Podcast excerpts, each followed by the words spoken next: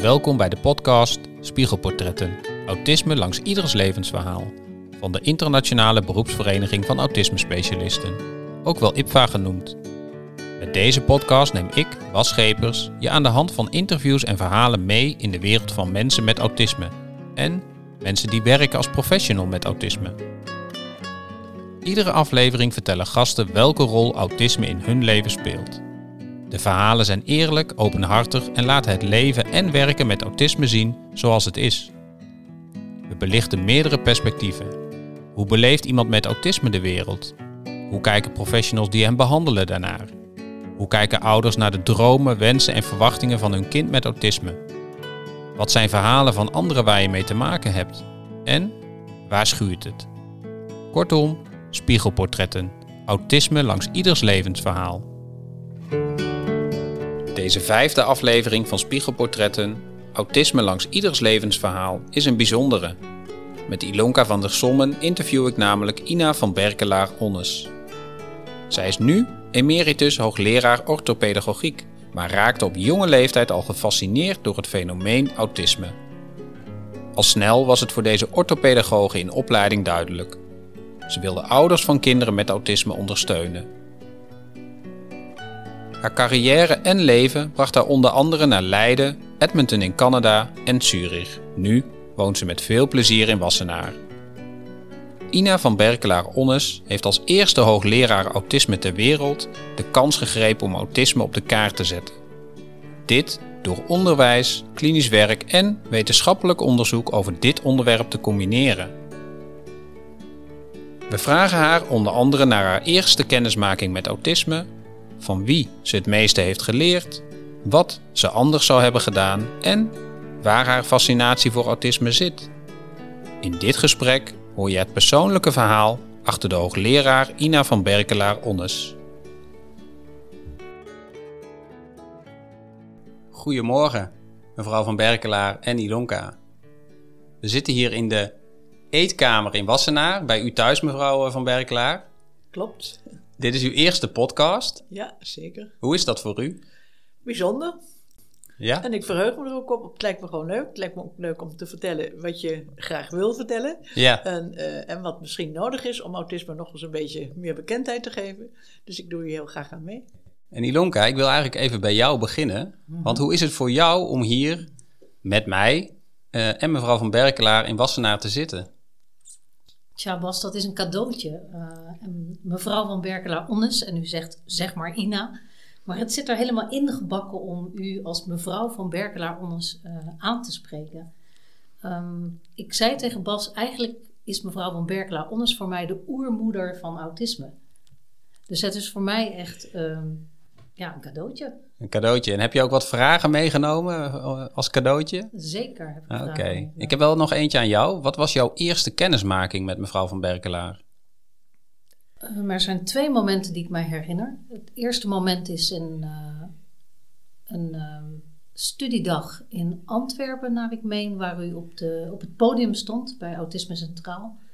En als u opkwam, zeiden wij dan op de rij waar we zaten: Oh, mevrouw van Berkelaar-Onnes. Het is net alsof uh, de koningin daar opkomt door uw statige allure. En vervolgens neemt u dan het woord en maakt uw autisme zo toegankelijk voor iedereen. En de tweede keer, daar hebben we het laatst ook nog met elkaar over gehad. Um, ik gaf een workshop in Den Haag en ik denk dat het in de jaren negentig was. Um, ik gaf een workshop, vond ik best spannend. En wie komt daar binnen in dat lokaal? Mevrouw van Berkelaar-Onnes. En ik weet echt niet meer wat ik toen heb gezegd. Nee, hoe ging de workshop? Ik, ik weet het niet meer. Nee, oké. Okay. ik wel, dat ja? weet ik wel. Ja, ik weet het nog heel erg goed, want ze werd helemaal zenuwachtig toen ik binnenkwam. Stotterde even. Ja. En, maar het was een uitstekende workshop en het past ook heel goed in de conferentie die we toen georganiseerd hadden. Dus ik was heel blij met Ja, en, en wat, wat Ilonka eigenlijk aangeeft, hè, dat ze het een cadeautje vindt om hier te zijn en u ziet als oermoeder. Is dat iets wat u vaker hoort?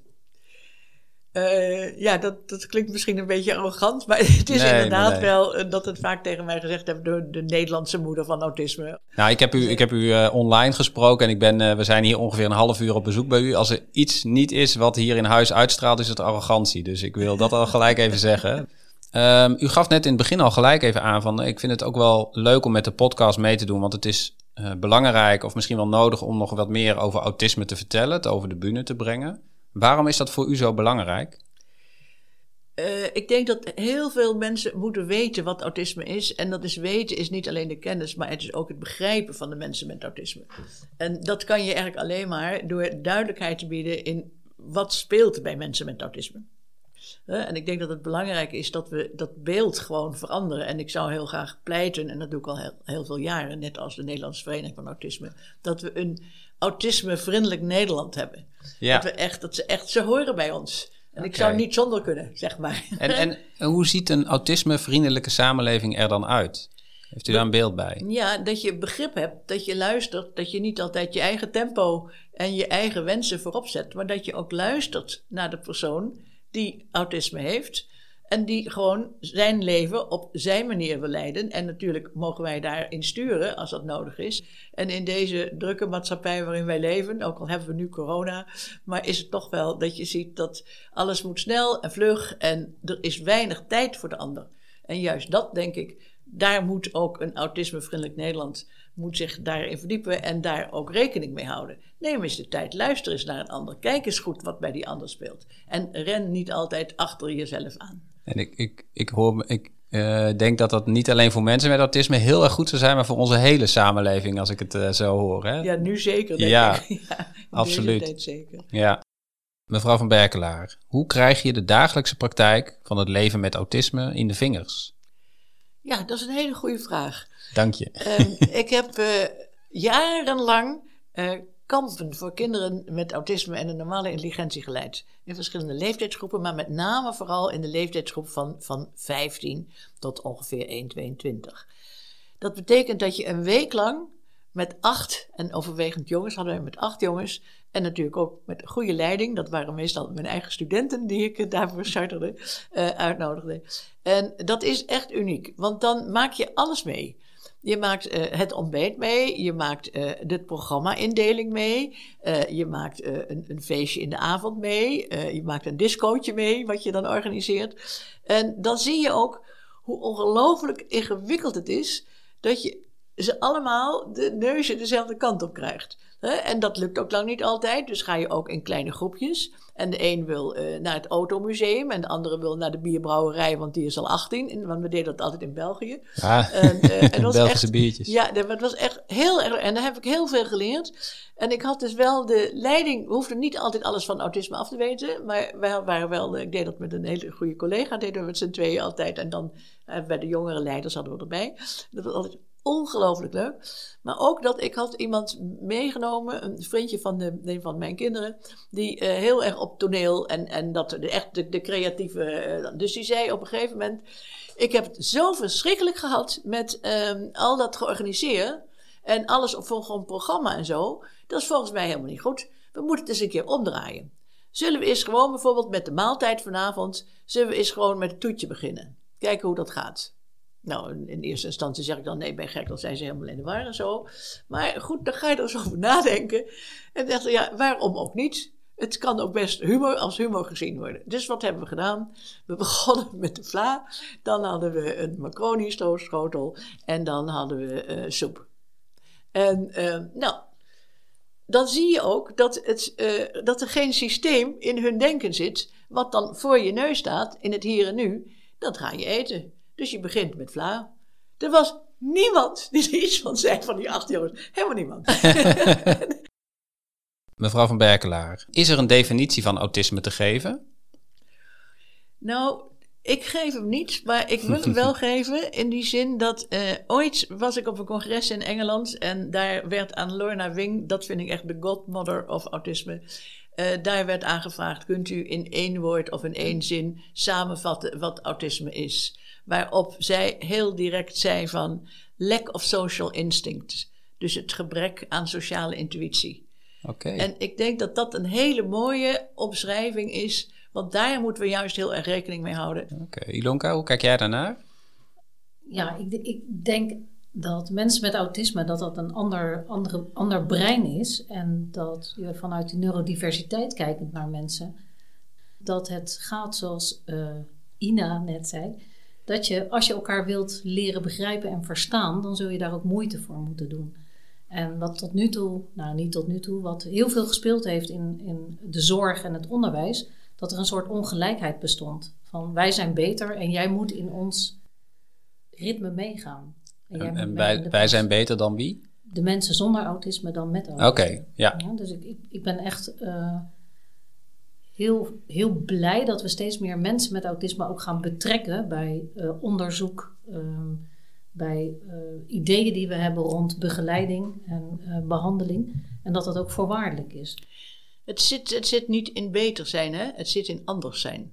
Ja. En dat anders zijn, dat moeten we begrijpen. Hè? En dat is waarvan ik denk van als wij snappen wat dat anders is, dat je dan uh, ook een, een, betere wereld krijgt, uh, creëert, zeg maar, ja. voor mensen met autisme. En dat, dat wat Ilonka ook al zegt, die neurodiversiteit is belangrijk. Ja. Ze, zijn, ze zijn anders, hun denken is anders. En ik, ik zou niet eens durven zeggen dat het een stoornis is. In mijn, mijn publicaties zeg ik ook eigenlijk heel vaak: het is een, een, een conditie. Het brein werkt anders. Want, want voor mensen met autisme, wat is een kracht van hun, als we het dan toch hebben over anders? Uh, ze zijn hele goede waarnemers. Hè? Ze zijn, hebben een enorm gedetailleerd waarnemingsvermogen. Daar halen wij het niet bij. En uh, dat kan ook heel erg een voordeel hebben. Je ziet dat ook in de kunst, je ziet dat ook in de muziek. Er zijn ook best, best mensen die dus die kunstkant ook helemaal opgaan. En ik denk dat is heel belangrijk dat we dat ook onderschatten. En als ik terugkijk in de hele geschiedenis, dan denk ik, ja, we zijn uitgegaan van mensen met beperkingen hè, en, en met een stoornis. Hè, en dat heeft zich gelukkig in de afgelopen jaren ontwikkeld naar mensen ook met mogelijkheden. Hè. Je, hebt, je hebt wat je kan en wat je niet kan, maar dat hebben we allemaal. Ja. En ik denk dat dat belangrijk is. Het is ook steeds dichter, zeg maar, bij de normale maatschappij gekomen ook als je kijkt naar de wetenschappelijke boeken en onder andere als je kijkt naar de DSM, dat is dan zeg maar de Bijbel waar alle steuners in staat, dan zie je ook dat sinds uh, 19, uh, of nee, 2013 was, is de laatste versie, hè, dat het, en, en de vertaling in 14 in Nederland, dat je dus kan zien dat het verschuift heel erg en het ligt veel meer uh, naar het normale toe. Zou, zou, zou het eh, in de toekomst mooi zijn als uh, autisme of autisme spectrumstoornis niet meer in het DSM-handboek staat of in de Bijbel staat, zoals u zegt? Uh, in zekere zin zou ik daarvoor zijn, hè, omdat het daardoor dus altijd nog wel een beetje in de richting van dat het niet anders maar verkeerd is, zeg maar. En, uh, maar het is überhaupt de vraag of de DSM in deze manier blijft bestaan. Ze hebben altijd gewerkt met de Romeinse cijfers. Maar de laatste is een gewoon getal, is de gewone vijf. Dus dat geeft aan dat het een document, uh, een levend document is, zeg maar. Dat nog honderd keer kan veranderen. Dus ja. dat is maar de vraag. En ik denk dat die neurodiversiteit toch een hele andere kijk ook op autisme geeft. Een belangrijke kijk. Ja. Zou jij er blij mee zijn, Ilonka, als het niet meer in het DSM-handboek staat? Ja, ik denk dat het DSM uh, ook uitgaat van uh, iets wat een mens wil. Een mens wil categoriseren en een mens wil begrijpen. Dus als je SEC een categorisering zou hebben van uitingen hoe mensen leven, dan kan ik dat begrijpen. En ik vergelijk dat altijd met Linnaeus, die alle planten heeft gecategoriseerd. En ik roep altijd, als jij naar het tuincentrum gaat, dan wil je ook als je schaduwplanten hebt, wil je meteen daar zijn. Dus dat is voor mij het nut van een DSM. Maar hoe mensen die lezen en vervolgens ja. daar uiting aan geven, nou, daar hebben we het net in het voorgesprek ook over gehad. De kennis rond autisme en hoe te handelen, nou, daar ligt nog wel wat uh, werk te doen, denk ik. Ja, ja zeker. Ja, ja ik, ik denk ook dat het belangrijk is dat we moeten beseffen dat zo'n DSM is niet meer dan een klassificatie van gedragingen. Het is dus geen diagnose. Dus wat je uit, zeg maar, het plaatje wat je uit de DSM-5 haalt, is niet meer dan een klassificatie van gedragsverschijnselen. Okay. En dat is echt iets anders. Ik zeg altijd, als je de diagnose stelt, dan heb ik veel en veel meer nodig. Dan moet ik ook weten wat de mogelijkheden van het kind zijn, wat de intelligentie is, wat het taalgebruik is, eh, waar de achtergrond is, waar komt het vandaan, et cetera. Ja, dan heb je een palet van informatie nodig die je echt niet uit de DSM haalt. Dus DSM is niet meer dan een stap in het diagnostische proces. Een klein radertje in het uh, hele proces. Wat was uw eerste kennismaking met autisme? de eerste kennismaking was in 1963. Moest ik stage lopen op een medisch opvoedkundig bureau, zo heette dat. En de eerste dag zei de psychiater meteen tegen mij: Nou, je boft, want we hebben een bijzonder geval. En dat is een meisje en die eh, kan je observeren van achter de one-way screen. En daar ga ik mee aan de slag. En die kamer waar ik in zat had een uitkijk op de, uh, de spelkamer, zeg maar. En de andere kant had geen uitkijk, maar die was tegen de wachtkamer aan. En dus ik kon daar de geluiden ook wel een beetje horen. En het punt was dat ik werd, raakte gefascineerd door dit meisje, waar gewoon geen contact mee te maken was. Wat echt heel uh, bijzonder, maar wel een heel bijzonder kind. Dus ik raakte er echt door gefascineerd. Aan de andere kant hoorde ik uit de wachtkamer een enorm gesnik. En dat bleek dus de moeder te zijn. Dus toen we daarna een gesprek hadden, en het was mijn eerste dag. En, en nou, ik moest dus aangeven wat ik dan gezien had aan dit meisje en, en wat me intrigeerde. Nou, je intrigeert dat je het, het normale menselijke contact, zeg maar, de spontane vanzelfsprekendheid, trof ik niet aan tussen de psychiater en het kind. Maar na afloop zei ik van, en die moeder? Waarop de psychiater mij aankeek en zei, wat bedoelt u? Ik zei, ik heb die moeder zo horen huilen.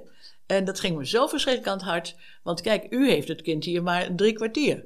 Maar zij neemt het kind mee naar huis. En dat lijkt me toch wel heel ingewikkeld. Luister eens, daar hebben we het niet over. Werd u als een lastige stagiair gezien ja, met zo'n vraag? Ja, ja? Ik, het was heel duidelijk dat deze man dacht... oh, eens kijken, wat moet ik met deze... wat moet ik hiermee? En waar, waar komt dat vandaan dat u dan toch die vraag stelt? Ja, ik, het was zo schrijnend. Ik bedoel, ik, ik begreep iets niet. Zijn de, interactie van het kind. Ik had geloof ik één keer iets van autisme gelezen, maar dat, het, het zei me nog helemaal niks. En ik zag daar de, ook, ook de moeite die de psychiater deed om, om in interactie met dat kind te komen. En uh, terwijl ik dat, dat die moeder hoorde huilen achter mij. En dan denk ik, ja, wacht even. Eh, het gaat niet alleen om dit kind. Het is heel leuk dat ik mag kijken en heel interessant misschien en goed voor mijn opleiding. Maar er is natuurlijk veel, er speelt veel meer. En ik heb ook inderdaad doorgezet in die stage dat ik op een gegeven moment mocht, moet je dan één cliënt uitzoeken waar je dan het hele verslag over moet schrijven. En toen heb ik gezegd, ik wil graag, graag dit meisje, Simone, uh, die wil ik eigenlijk heel graag beschrijven. Maar dan moet ik eigenlijk ook vanwege mijn opleiding, orthopedagoog, yeah. moet ik natuurlijk ook wel naar op huisbezoek. Wat was het antwoord? En toen zei hij, oh ja, nou ja, als dat bij je opleiding hoort. En, eh, dus dat mocht. En, ja, en dan zie je, dan kijk je hoe ingewikkeld het is. En dan gaat het niet alleen om het kind. Dan gaat het om dat hele gezin. Er is nog een broertje. Die moeder die zat met de handen in haar. Die vader deed echt zijn best. Uh, en dan zie je hoe ongelooflijk ingewikkeld dit is. ik weet dat dit meisje had op het moment dat ik daar binnen mocht komen, had ze een tik met het getal 5. Oké. En dat betekent dat ze overal waar de vijf, en dan kom ik ook terug op die waarneming, die, die, voor de kleine dingetjes, overal zag zij de vijf. In een boek, in de krant die arriveerde. Overal zag zij de vijf. En die vijf, die kan ook heel erg lastig zijn. Want als je naar Leiden moet, en ik had er op een gegeven moment, mocht ik er overnemen en is ze bij ons eh, in de behandeling gekomen. Dan was ook altijd zo dat die, we moesten, moesten bij dat medisch kleuterdagverblijf moesten dus met bus 15. Nou, dat kan dus niet. Ze kon niet in de. Ja? Dus dan moet de moeder moet een hele andere route gaan bedenken. Uh, en dan kan je zeggen: ja, nou ja, dat is toch niet zo erg.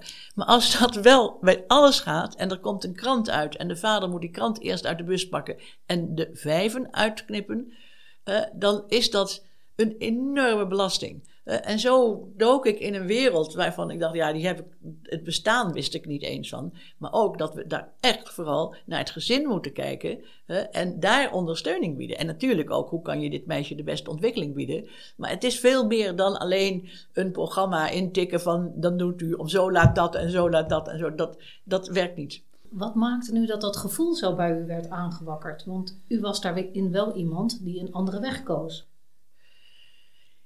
Ja, maar ook wel omdat je zelf bedenkt, wat zou ik nou doen om hier iets aan te kunnen? Ik bedoel, je zit in je opleiding en je denkt, ja, ik, ik, het is leuk hoor, dat meisje in die, in die spel. Hè? En ik heb dit meisje heel lang begeleid. Daarna ook nog, toen ik afgestudeerd was, ben ik met haar doorgegaan. En heb ik er ook individueel gezien. Maar altijd in connectie met het systeem waar ze opgroeit dus ik, ja, ik denk, ik kom zelf uit een, uit een gewoon heel warm gezin. Ik weet zelf hoe belangrijk het is om een goed gezin te hebben. want dat, dat is de basis hè, gewoon van je uitgroei. En uh, dat ik dacht, ja, dit is een drama. Dit is gewoon, ik was echt echt aangeslagen door, door de problemen die ik zag. Want de psychiater had eigenlijk zoiets van: Goh, ja, die moeder vind ik helemaal niet interessant. Wat was Ja. uw reactie daarop? Ja, die moeder, ik, want dit is, de- zijn de begin jaren zestig. hè? En eh, toen was het ook nog wel zo, en zeker binnen de psychiatrie, dat de moeder eigenlijk wel eh, misschien wel de dader was van dit gedrag. Oké. Dus daarin eh, kreeg die moeder ook een hele aparte plek. En terwijl ik dacht van, nou deze moeder, en zeker toen ik daar thuis kwam, die is gewoon een hele liefhebbende moeder en die zie ik ook wat ze doet met haar zoon. En, maar dit, dit is gewoon, gewoon haast niet te doen als je het niet begrijpt. En, ja, en, en je, gaat, je gaat ook mee. Hè? Wat ik bijvoorbeeld ook zag, dat deze Simone, die had dus eh, een, ook een passie voor de vijf. Maar dat was ook dat dat echt heel eh, obsessief en echt, echt, echt heel eng was, bij wijze van spreken. Want je moest alles om die vijf heen bouwen. Wat trouwens heel leuk was, we hebben die vijf hebben we dus op een gegeven moment kunnen veranderen. Want eh, het enige wat dit meisje heel goed begreep, die moeder moest er zo nu en dan eens uit. Dus dan had ik een plan gemaakt dat dan met wat extra oppas konden we regelen met studenten. Dat die moeder dan echt eens twee dagen gewoon even ergens anders naartoe kon, hè, dat ze bij kwam. En dat was eh, mama op vakantie. En, eh, en mama kwam natuurlijk wel terug, dat was het punt. En toen dacht ik van, als we nu eens een klein koffertje kopen. We maken een hele grote vijf. En die maak je eerst van schuurpapier, dat ze die eindeloos voelt. Dat die vijf weer helemaal in, in er, er bestaan, zeggen we dit. En die gaat dan ook op reis. En dan doen we dat wat langer. En dan hoop ik dat het, dat het wegvloeit. En zo is het gelukt. En toen is op een gegeven moment is die vijf wel teruggekomen. Maar toen had ik een, meerdere cijfers in die koffer gedaan. Want de vijf had een heleboel vriendjes. En nou ja, dus het is een heel simpel oplossing. Ja. Maar wat dan wel helpt. Maar dan zie je dat dat voor zo'n gezin dan zo'n enorme verbetering is. hè. En zij had dan als volgende obsessie had ze flesjes. Lege parfumflesjes. Nou, wat geef je dan op verjaardag? De hele familie geeft dus allemaal lege of volle parfumflesjes. Maar dat wordt dan ook een tik, want dan heb je een tafeltje met al die lege flesjes. En die moeten dan allemaal zo staan, of zo, of zo. Dus dat, dat is een, een overprikkeling waar ze helemaal gek van werd. Ja, dan moet je beslissen van alle er denken uit. Eh, en dat zijn wel risico's die ik ook wel nam. En die ik ook best eng vond Ja. hè, om dat te doen. Eh, En- maar en- in overleg met de ouders Ja, en waarom deed u het dan toch? omdat zij zo overprikkeld raakte. Dat eh, ik dacht, het is beter één keer een, een enorme scène. Hè, die misschien twee dagen kan duren omdat ze dan gilt. Maar dan is deze overprikkeling weg. Hebt u de bemoeienis of de betrokkenheid bij dit gezin eh, goed kunnen afronden, voor uw gevoel? Nee, want op een gegeven moment eh, gaat dan toch dat het heel ingewikkeld wordt. En, eh, en toen, ik denk toen ik naar, eh, ik heb het nog lang gezien hoor. Uiteindelijk was het zo ontzettend moeilijk thuis. En het was ook een laag functionerend meisje. Dat is altijd heel interessant, hè? Dat ze toch die vijf er meteen uithaalden, maar laag Ja. functionerend. En, eh, en toen moest ze ook naar een, naar- is naar een instelling is voor mensen met een verstandelijke beperking gekomen. Dat was ook gewoon te veel thuis. Ja. En dat heb ik eigenlijk niet meer helemaal meegemaakt, want toen ging het dus echt heel erg slecht. Ja. En toen met maatschappelijk werk en mee en allerlei andere instanties. En wat deed dat met u? Ehm, ik was het ermee eens, maar ik vond, ik, ik vond het wel zo jammer. Hè? En, en ik denk ook dat het wel, de ouders hebben het ook heel goed geaccepteerd, het was gewoon te veel. De moeder kon het ook niet aan en het was, ehm, ze werd dus heel ingewikkeld en ze werd ook agressief en het werd heel, eh, heel ingewikkeld. Dus, ehm, dus dat was, maar dat, dat vind je dan altijd jammer en ik denk dat eh, ik toen nog in het begin van mijn fase dacht van, wat moet dat nou? Moeten ze daar nu eindigen, weet je wel? Ja. Nou, dat, dat leer je ook. Dat leer je ook in de loop der jaren. Dat sommige voorzieningen eh, heel goed inspringen op wat nodig is. Als u er nu op terugkijkt, is er iets waarvan u zegt: hé, dat had ik misschien met de kennis van nu anders gedaan in deze casus? Nee, ik denk het niet. En, eh, maar ook met eh, gebrek, denk ik, aan inzicht nog in autisme. Maar als ik nu terugkijk met de kennis die ik nu heb, dan denk ik dat dit meisje ook dezelfde weg had gevolgd. Ja. Want het, is, het was in 1963 en u Ja. vertelde zelf al, ja, toen was er een bepaald beeld ook bijvoorbeeld eh, richting ouders. Ja. Hoe is dat nu in 2021? Ehm, dat is nu ontzettend veranderd. Wij weten allemaal helemaal zeker dat het heeft niks met de ouder te maken. Integendeel. Ja. Hè, dat, is- dat is gewoon, eh, en dat is gelukkig, is dat, eh, dat heeft nog wel lang geduurd trouwens, maar dat is wel echt helemaal weg. Je hoort nu niet meer van het, eh, het licht aan, de, aan de ouder, dat is, dat is voorbij. Nee. Ja. Hoewel, we hadden het er net over dat wij vinden dat niet altijd de zorg goed aangepast is. Hè. Ik denk, je moet veel weten van autisme om ook het onderzoek te kunnen doen. Het is niet even van, we hebben zoveel uur voor zo'n kind dat, en dan moeten we maar de diagnose hebben. dat lukt bij autisme niet. En als je dan dus soms dan nog wel hoort van, ik had nu ook een kind kreeg ik doorverwezen of ik daar nog eens naar wilde kijken. Ja, dat is een, uh, een, een, meisje wat uh, duidelijk in mijn ogen autisme heeft en wat dus niet uh, is gediagnoseerd met autisme. En terwijl de ouders zelf ook denken van, ja, het doet ons heel erg aan autisme denken. Dat betekent ook dat deze mensen dus duidelijk wel uh, van, van een behoorlijk niveau zijn. Hè? Het, en, en ook dat allemaal opgezocht hebben. En uh, dan wordt dus toch gezegd, ja, maar dit zijn van de intellectuelen die het allemaal beter weten. En die willen ook dat dit kind uh, dan misschien het gymnasium haalt, maar toch zeker wel hè, de. En dan denk ik, dit meisje heeft een normale intelligentie. En die is getest. En die was al bloedzenuwachtig. En heel veel tests zijn ook heel erg uh, afhankelijk van tijdsfactor. Ja. Nou, dit meisje moet echt alles beetje bij beetje binnen laten komen. Hè, met die, die zeg maar gedetailleerde waarneming. Dus die haalt die tijdslimiet nooit. Dus die kwam ook lager uit dan je zou verwachten. Het meisje zit gewoon op, de, uh, op het VWO en het gaat eigenlijk heel goed. Zit in de derde klas, dus eigenlijk geen probleem. Maar moest zeker naar de MAVO, want het waren de ouders die dus dan veel te hoge eisen stellen. En het had helemaal niks met autisme te maken.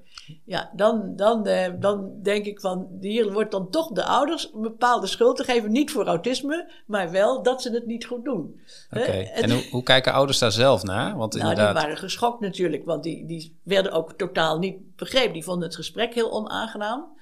En uh, hadden ook het rapport niet gekregen van tevoren, wat dus altijd wel de bedoeling is. En zei ze, ja, daar hadden we geen tijd voor. Dus die kwamen onvoorbereid daar en kregen dit te horen. En uh, ja, ik bedoel, dan ben je als ouder. Het is wel jouw kind. Ja. En, uh, en jij hebt een ander idee daarover. En vragen konden niet beantwoord worden, want een, een adviesgesprek mag dan niet langer zijn dan drie kwartier. Hè? Dat kennen we dus tegenwoordig in de, in de zorg. Ja, dan denk ik, dan zijn we, dan zijn we niet goed bezig. Dit, dit, is weer wat iets in u oproept, hè? net als in 1963. Ja. En nu zijn we in 2021. Dus op het moment, uh, en nu vertaal ik het even in mijn woorden, dat u denkt dat er geen recht wordt gedaan, dan wakkert het iets bij u aan. Ja. Ja. ja, nou ja, ik vind ook dat die, de zorgvuldigheid in een diagnostiek is ontzettend belangrijk. Hè? En ik heb het heel erg te doen met de GGZ om de dood eenvoudige reden dat ze de uren en het geld niet hebben. Maar dat betekent dat je eigenlijk heel vaak onder de maat moet werken. En het is juist zo belangrijk. Ik bedoel, zo'n zo meisje van, van 14, 15, als je daar nu in kan springen. ik denk dat we een heel eind met dat meisje kunnen komen. En, haar, en het is een normale intelligentie, dus daar kan je ook absoluut kan je iets mee doen. En dan denk ik, het is doodzonde dat ze dan een beetje, ja, ze wordt gewoon een beetje het bos ingestuurd. Ja. en, uh, en dat, dat is, uh, nee, kennis vraagt ook veel. En je moet ook bijblijven. Je moet bijblijven. Er zijn echt heel veel ontwikkelingen op het gebied van autisme. Je moet bijblijven, uh, wil je de juiste hulp kunnen bieden. U heeft ook werk, zeg maar klinisch werk, onderzoek en, en onderwijs gecombineerd. Ja. Is dat ook een spanningsveld wat u nu wel ziet? Dat er misschien in wetenschappelijk onderzoek en in onderwijs eh, heel veel ontwikkeling is, ook op het gebied van autisme. Maar dat in de zorg voor kinderen en ouders, kinderen met autisme en ouders of volwassenen met autisme, dat er eigenlijk een tekort is. Nou, ik vind dat de vertaalslag van wat aan wetenschappelijk onderzoek wordt gedaan veel te beperkt is. Het blijft heel erg hangen, toch een beetje in die wetenschappelijke wereld. Terwijl er ook dingen uitkomen die uh, maatschappelijk en zeker klinisch ontzettend relevant zijn. Ja. Ik heb al mijn onderzoek, dat heeft eigenlijk al mijn onderzoekprojecten, zijn altijd klinisch relevant geweest. maar dat is natuurlijk ook dat je en in de zorg zit en in de wetenschap. Dan wil je dat heel goed op elkaar aanlaten. Wat is de sleutel daarvoor? Om te zorgen dat het klinisch relevant is? Uh, al mijn onderzoeksvragen komen uit de kliniek. Ja, Oké, u haalt ze op uit de praktijk. Ik haal, ik haal, ze op uit de praktijk, ja. Maar daarnaast heb ik ook wel, ik heb ook wel een deel onderzoek gedaan, bijvoorbeeld over die neurodiversiteit naar het brein. Hè?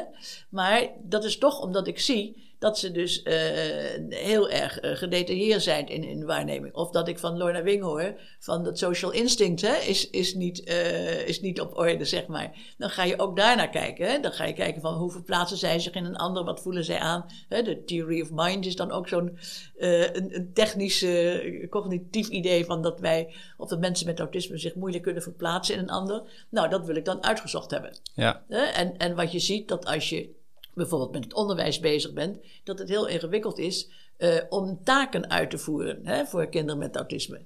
Ze hebben ontzettend schakelprobleem. Ze zijn heel inflexibel. Dus als je nu, um, ik heb ook een voorbeeld gegeven een keer in een boek over het onderwijs, uh, dat ze, uh, als je gaat wisselen met op, uh, optellen, aftrekken, vermenigvuldigen en delen hè, met die getallen, nou dan beginnen ze, als de eerste een optelsom is, zijn al die andere ook optelsommen. Dus dan zijn al die an andere antwoorden zijn natuurlijk fout, maar wel als je het optelt. Zij zagen overal een plusje, de kinderen, of het voorbeeld. Dus en dan waren die optelsommen wel goed. Uh, ja, maar natuurlijk niet door de juffrouw. De juffrouw nee, van de fout, want die heeft alleen maar een schabloon om te kijken of die antwoorden goed zijn. Ja, die keek niet verder dan. ja, dus ik heb ontzettend veel, uh, als ik schoolobservaties deed, zei ik: geef de schriften maar eens een dagje mee, dan ga ik dat uitzoeken.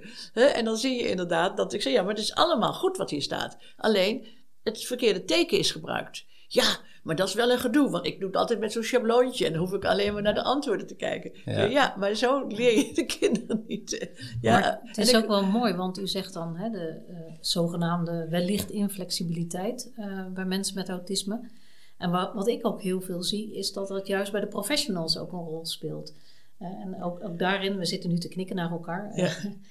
Ehm, als professionals ook leren op een andere manier te kijken, uh, zijn er veel meer kansen voor, voor kinderen met autisme en, en, en, jongeren met autisme.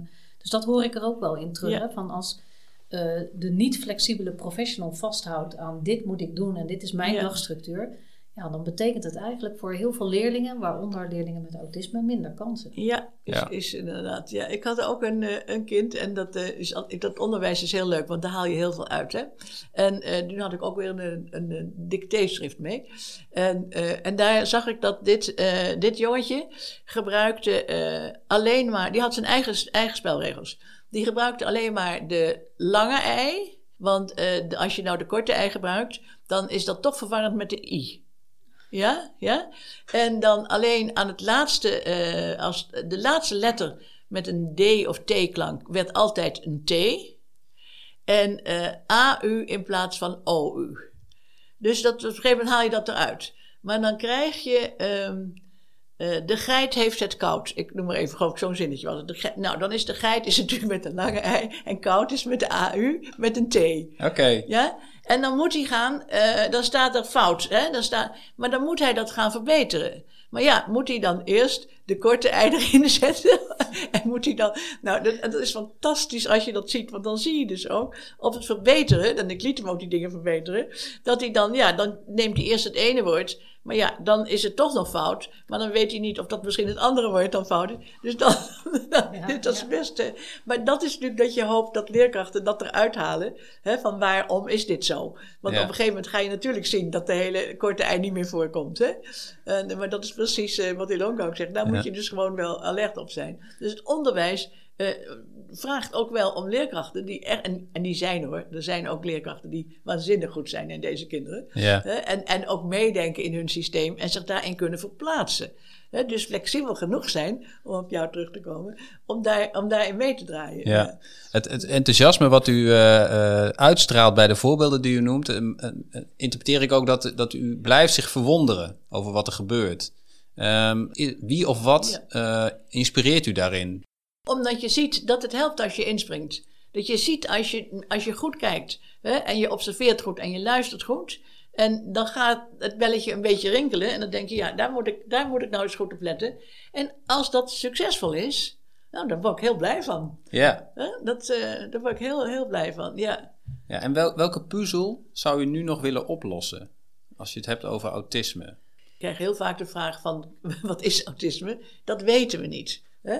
Wij zien het in de zin, wij zien het aan die klassificatie van gedrag, gedragingen. Ja. Daar is waarop wij de naam gaan plakken, zeg maar, of het label gaan plakken, wat geen diagnose is nog een keer, hè? maar alleen maar een klassificatie.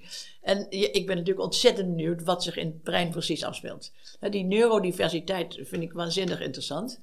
En wat ik zelf, waar ik zelf van meet af aan, zelfs toen ik mij promoveerde in 79, uh, daar een opmerking over heb gemaakt, is de uh, invoering nu van in de DSM, toch even een, een, een goed voorbeeld van de DSM noemen, uh, dat we naar de prikkelverwerking kijken.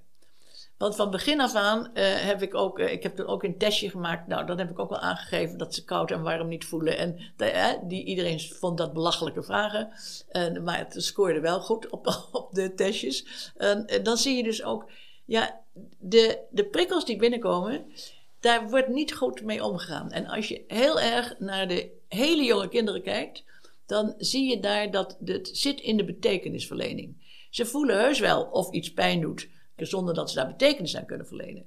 Eh, en het zit dan in, ik denk wel eens nu, als ik nu kijk naar de prikkelverwerking bij, bij eh, kinderen met autisme, en wij werken nu met hele jonge kinderen, en ik ben vrij actief in, in de groep Autisme Jonge Kind, en dan zie je dat die prikkelverwerking, daar wordt nooit naar gevraagd.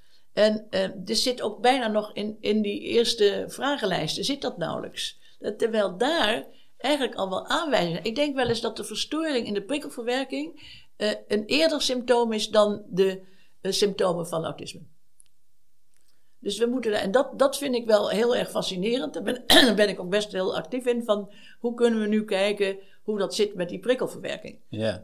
En, en, en wat gaan ze daarmee doen? En bedoel, wij weten op een gegeven moment dat ehm, een, een, je, wij we gaan op de prikkels in om ook de wereld te leren kennen je wil de wereld exploreren. Je wil kijken wat het is. Dus als je aan iets likt, dan denk je, hoe smaakt dit? Maar als likken doel op zich wordt, dus een obsessie is dat je aan alles gaat likken. Ik had een jongen van negen die aan alles likte. En dus ook op straat ging, en met name aan ijzer.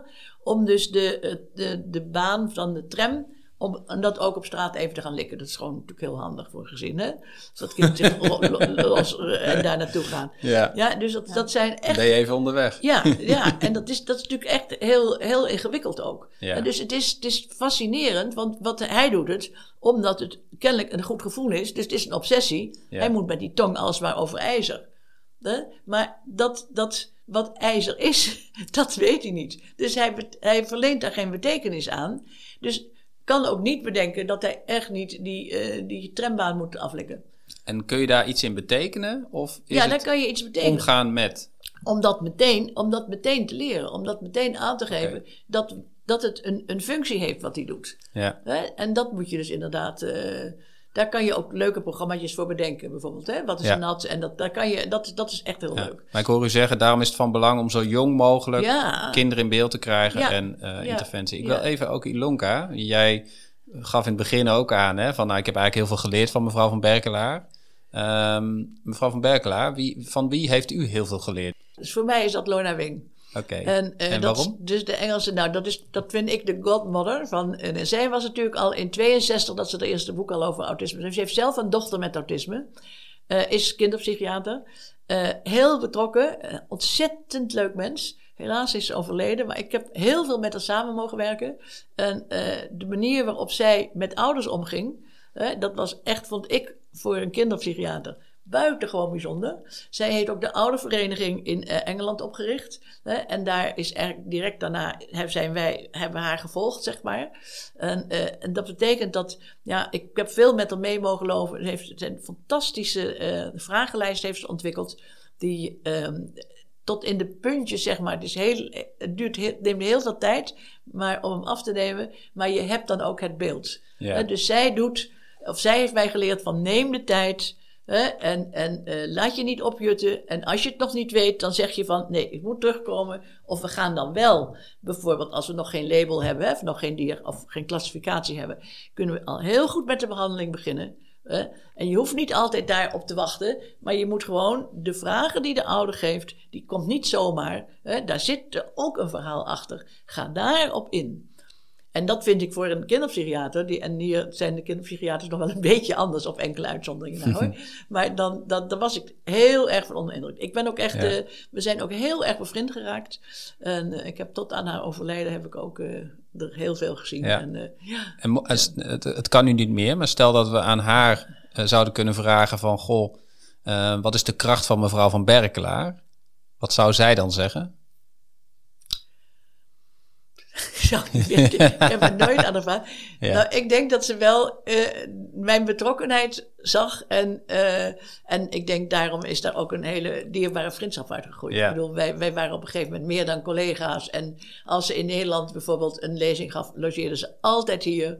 En, eh, en ze had ook met, met Yveske en onze kinderen een hele goede relatie. Ja. En, eh, ja, een hele, want ik herinner me nog, het heeft eigenlijk niks met autisme te maken, maar het is toch wel leuk om even te vertellen. We hadden dus in, we hadden dus in Canada gezeten. En, eh, en dus eh, spraken onze kinderen natuurlijk Engels na twee jaar. En ook onze Yveske. En, eh, en die was vijf, en, eh, nee, van drie tot vijf. Nou, en toen was ze zes of zeven waren. En toen las, logeerde Lorna Wing hier. En toen eh, ging dat allemaal in het Engels. En Lorna is heel erg Brits. En zegt plotseling tegen Yveske... Yveske, you have an awful accent. It's absolutely awful Canadian accent. en ik werd helemaal boos. En ik zei van, wacht even. Ze is zes. Ze praat gewoon mee in het Engels. Ja, Yes, but it is Canadian. It's awful. Ah. nou ja, dat geeft een beetje. Maar Geweldig. Dat, dat mag eruit Ja. geknipt. Maar dat is Nee, nee, die laten we erin. maar Absoluut. dat is zo'n ontzettend leuk wel. Ja. Dat ze, dat ze, dat ze, en, en dat vind ik ook zo leuk. Kennelijk Ja. geeft dat ook aan. Dat ze dat ook aan tafel hier gewoon zaten. Hier dus te eten. En, eh, en ze zegt dus inderdaad van... Awful Canadian accent. ja. Maar wat, wat u wel deelde met haar, wat ik zelf interpreteer, is dat, dat u, u, maar zij ook altijd op zoek was naar het verhaal erachter. ja, altijd. Ja, Ja, verder dat dan de heeft- diagnose. Ja, ja zeker. Nee, Ja. Dus het is meer dan de klassificatie. Hè? Het is meer, eh, er zit veel meer achter. En dat heeft ze ook, eh, ja, als je ziet hoeveel ze tijd zij ook besteedt aan, aan een onderzoek. Dat is gewoon een hele dag. Hè? Nou ja, dat had ik in Leiden natuurlijk ook. En dat is natuurlijk nu ook wel veranderd. Dat mag niet meer, dat is veel te lang. Ja. Dus, eh, dat, en dat deden wij meerdere dagen. Ja. Ik was altijd heel fanaat in eh, ouders spreken, het kind laten komen, nog een keer laten komen.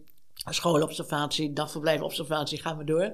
Ja, dus ik stak daar heel veel, eh, heel veel uren in. Ja, en ik weet, ik heb, ik heb wat voorwerk gedaan, dat u ook altijd, als u naar een, eh, een instelling, een ziekenhuis of een, ja, een instelling of een tehuis Ja. ging, ook altijd de directeur of directrice ja, ja, wilde ja, spreken. ja, ja, U wilde het hele verhaal compleet. ja, ik wil het hele verhaal compleet. Ja, ja. Ja. Ja, ik heb ook wel eens gehad dat op een gegeven moment was er nogal een gedoe met een, een krantenartikel en et cetera. En ik werd er dus bij gehaald in, eh, in, in de dingen, in Zeeland was dat eigenlijk. En, eh, en dan stond de directeur stond buiten om mij op te vangen. En ik dacht nog, nou, hij heeft het begrepen.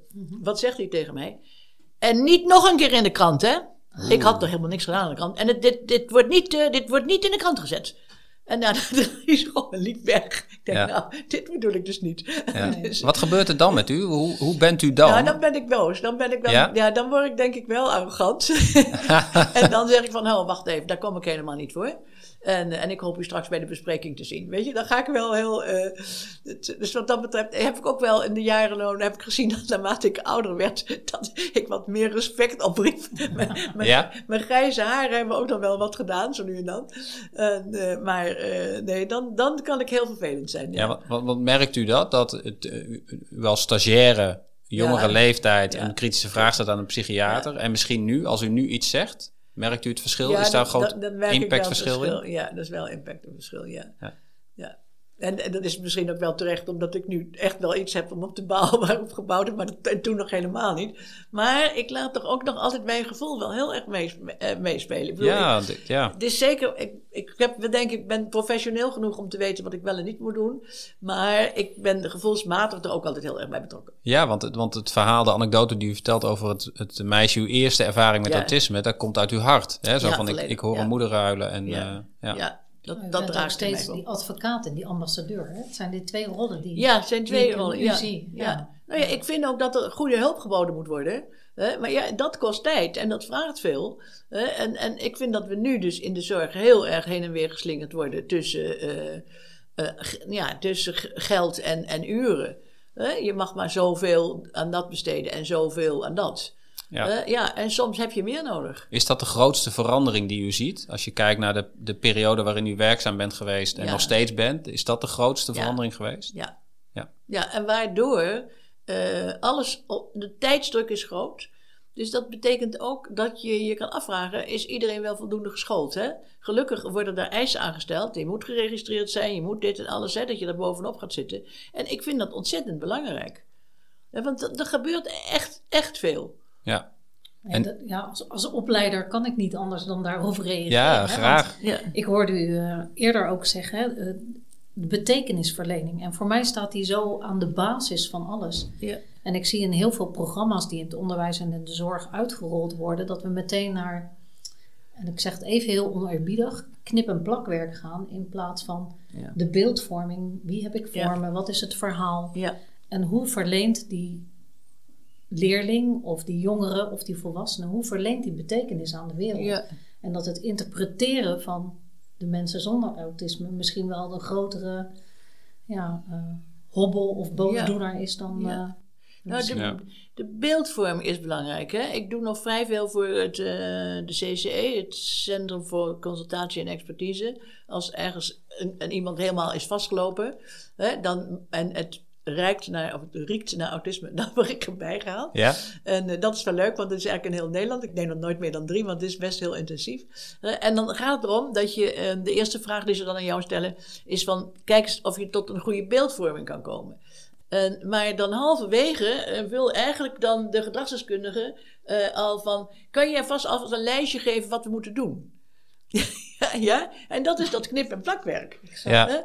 Want, En- want hoe gaat u te werk? Kan u ons meenemen in... U wordt gebeld of u wordt eh, gemaild en u, eh, er komt een vraag naar u toe. Ja, dan vraag ik in, in eerste instantie vraag ik het hele dossier op, wat er allemaal al is. Dan ga ik op grond daarvan zeggen van, eh, wat mis ik? Of wat heb ik nog, nog meer nodig, zeg maar, hè, dan dit. Dan eh, wil ik eh, altijd eh, de persoon zelf een kwestie zien, een, een observatie. Dat is nu best lastig geweest de laatste tijd, omdat dat natuurlijk ook vaak van, met Zoom en met filmpjes gaat.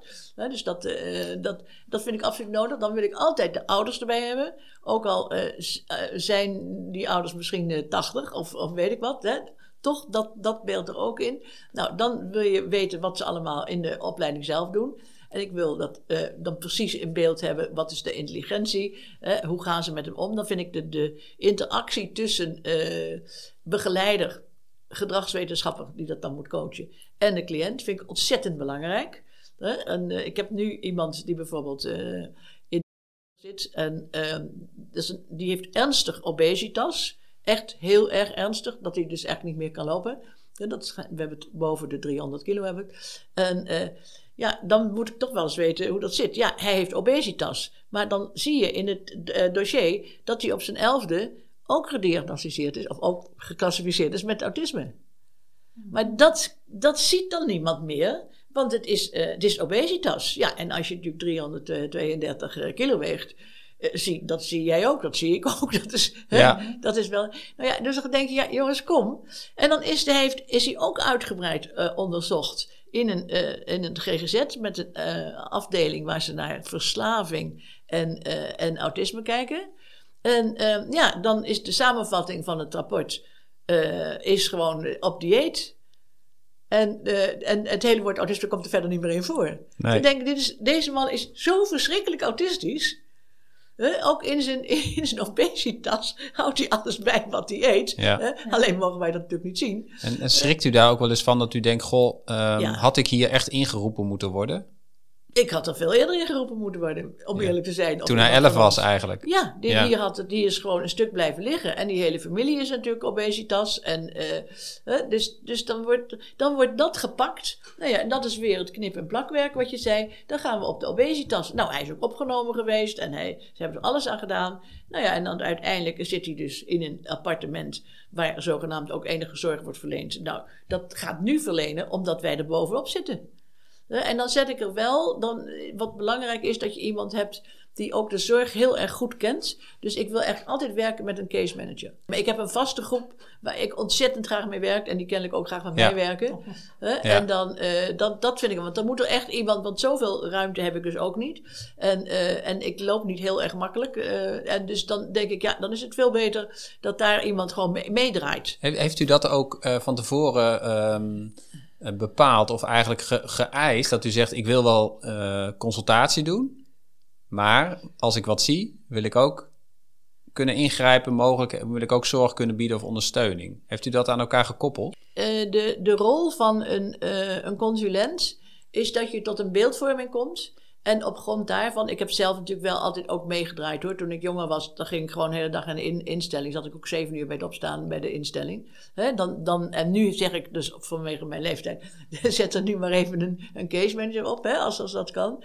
Maar ik vind uh, het absoluut noodzakelijk dat, uh, dat we daar heel, heel erg goed naar kijken. En ook kijken wat nodig is in die interactie.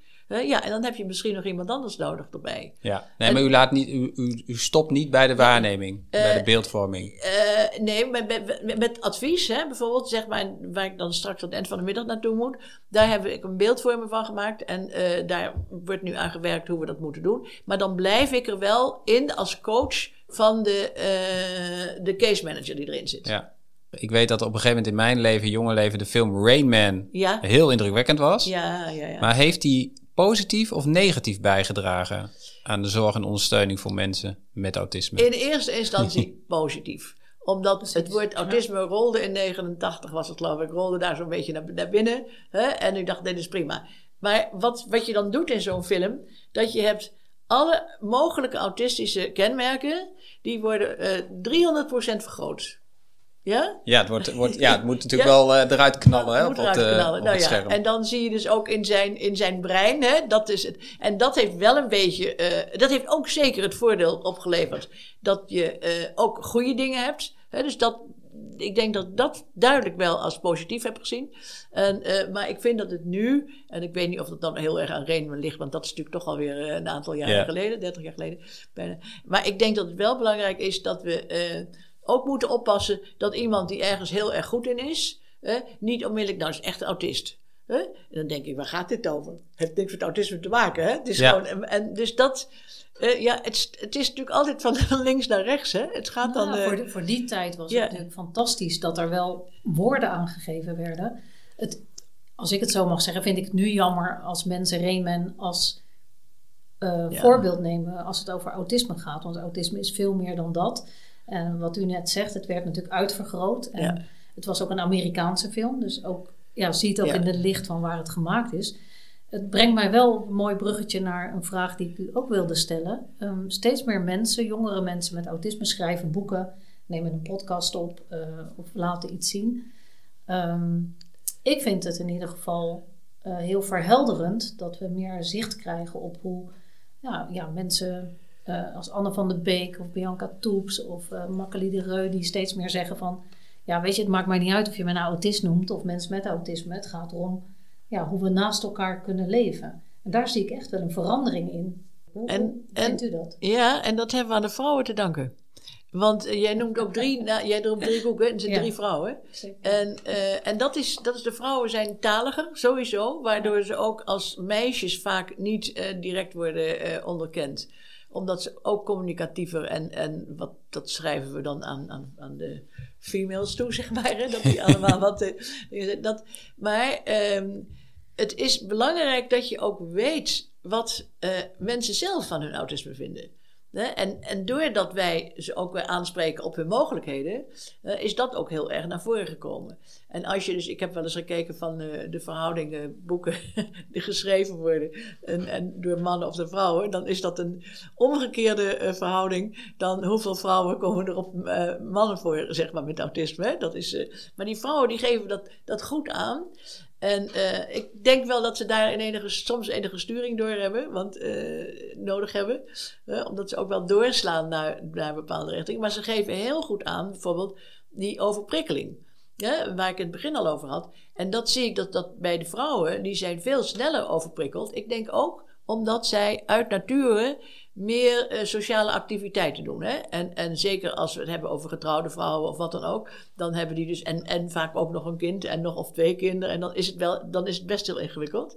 Dus dan, uh, dan zie je toch ook wel uh, dat, dat, ze, dat ze zeggen van ja, dat eigenlijk loop ik vast op al die prikkels. Nou, het feit dat wij nu weten dat het, de prikkelgevoeligheid bij vrouwen bijvoorbeeld sterker is dan bij mannen dan denk ik dat hebben we ook wel heel erg te danken aan die vrouwen die die boeken hebben geschreven. Ja, oké. En want, want vindt u dat er voldoende rekening wordt gehouden met uh, man-vrouw uh, verschillen in onderzoek, in onderwijs, in zorg voor Nu- mensen met autisme? Nu, sinds sinds eh, een 2011 ongeveer, denk ik, zijn de eerste artikelen die dus echt dat duidelijk uitzoeken. En er zijn nu een reeks met artikelen waar we echt onderzoek naar doen. En het is ook heel erg terecht dat we dat doen. En mijn grote zorg die ik wel heb, is dat we de vrouwen er wel uithalen omdat ze zelf ook hun informatie kunnen aanreiken. Maar bij de jonge meisjes ligt het nog steeds in de, in de verkeerde verhouding. Dan, ze ze zeggen dus altijd van één meisje op vier jongens, zeg maar. Dat was algemeen bekend hè, op de informatie die we toen op dat moment hadden. En nu denk ik dat we al veel dichter, als we naar de vrouwen kijken, al veel dichter liggen. één op 2,5, 3 hè, is de schatting die nu gemaakt wordt. En, maar op de, als ik naar de eh, heel groot eh cohortonderzoek van achtjarigen heb ik net zitten kijken, dan heb je dus daar eigenlijk nog, toch eigenlijk nog wel 1 op 4. Dus, we, dus kennelijk zijn die meisjes, die gaan, die, die gaan dus onze vingers door. Dus dat is wel een punt waar we Ja. heel erg bovenop moeten zitten. Ja, want dat, dat wou ik ook. Misschien is dat het antwoord, maar misschien ook niet. Ehm, als er een, eh, u bent ook wetenschapper.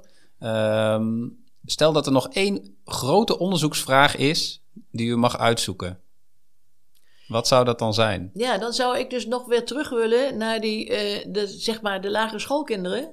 Hè, om daar te gaan kijken, hoe kunnen we die meisjes eruit halen?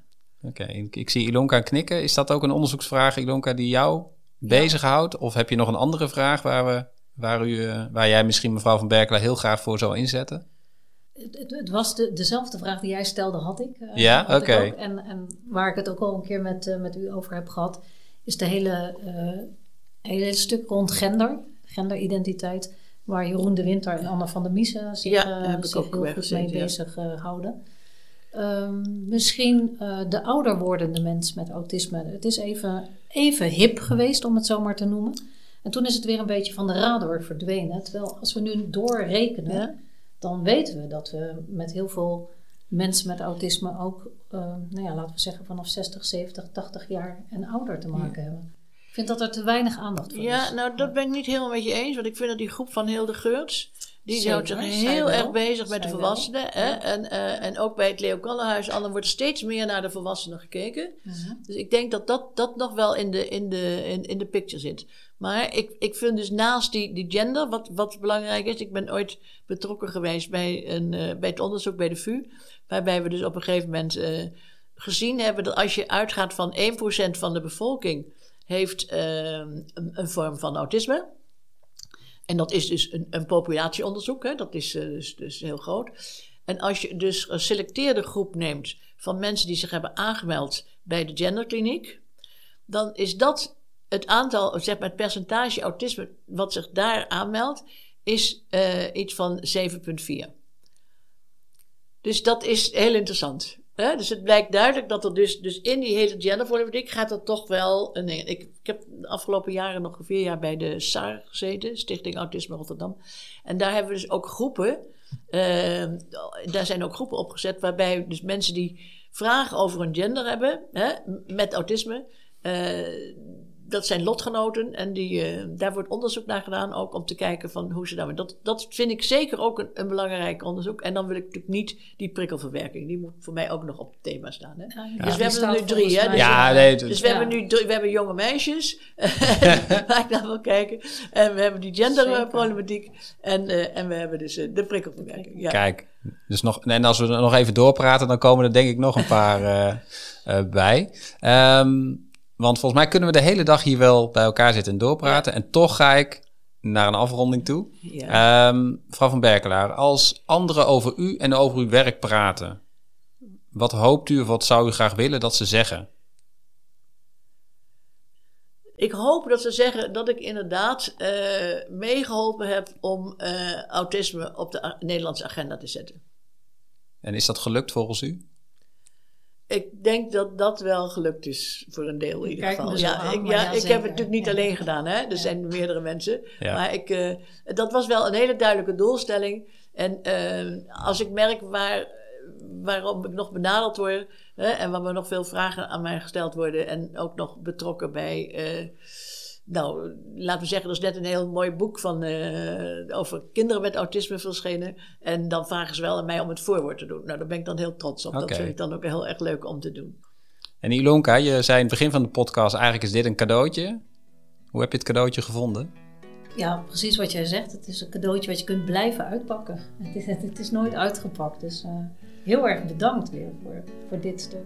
Nou, jullie ook heel erg bedankt voor het feit dat ik uh, mijn verhaal mocht doen. In de hoop dat het een autismevriendelijk Nederland kan vergroten. Ja, en ik moet zeggen, we zitten hier alle drie met een glimlach. Ik ook. Ik had me al verheugd op het uh, interview. We hadden elkaar van tevoren even gesproken. En ik had uh, wat, wat YouTube-filmpjes gekeken waarin u geïnterviewd wordt. En ik dacht, het wordt een heel leuk interview. En dat is het ook helemaal geworden. Dus mevrouw van Berkelaar, heel erg bedankt. Ilonka, heel erg bedankt. En tot de volgende keer. Wie weet. ja.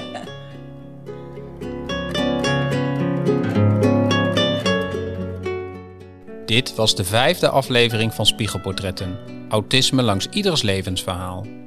We hopen dat het interview met Ina van Berkelaar-Onnes je inspireert. Deze podcast is gemaakt door Ramiro Martina, Ilonka van der Sommen en Bas Schepers in opdracht van de Internationale Beroepsvereniging van Autisme Specialisten. Wil je reageren op deze aflevering of heb je een vraag? Mail naar contact.ibva.info. Binnenkort weer een nieuwe aflevering van Spiegelportretten. Tot dan!